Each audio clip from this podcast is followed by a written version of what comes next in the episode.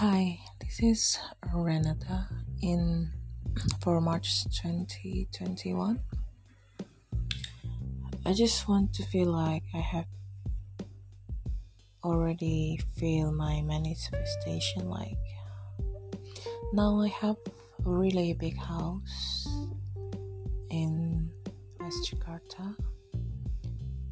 I have a second floor, have four rooms, have two bedrooms.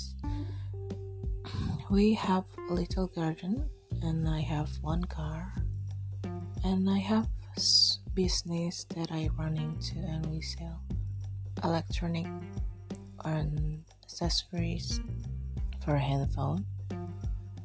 And it's quite amazing for my life going through.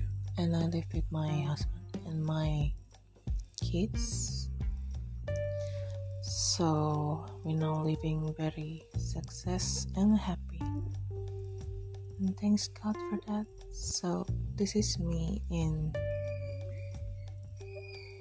2023.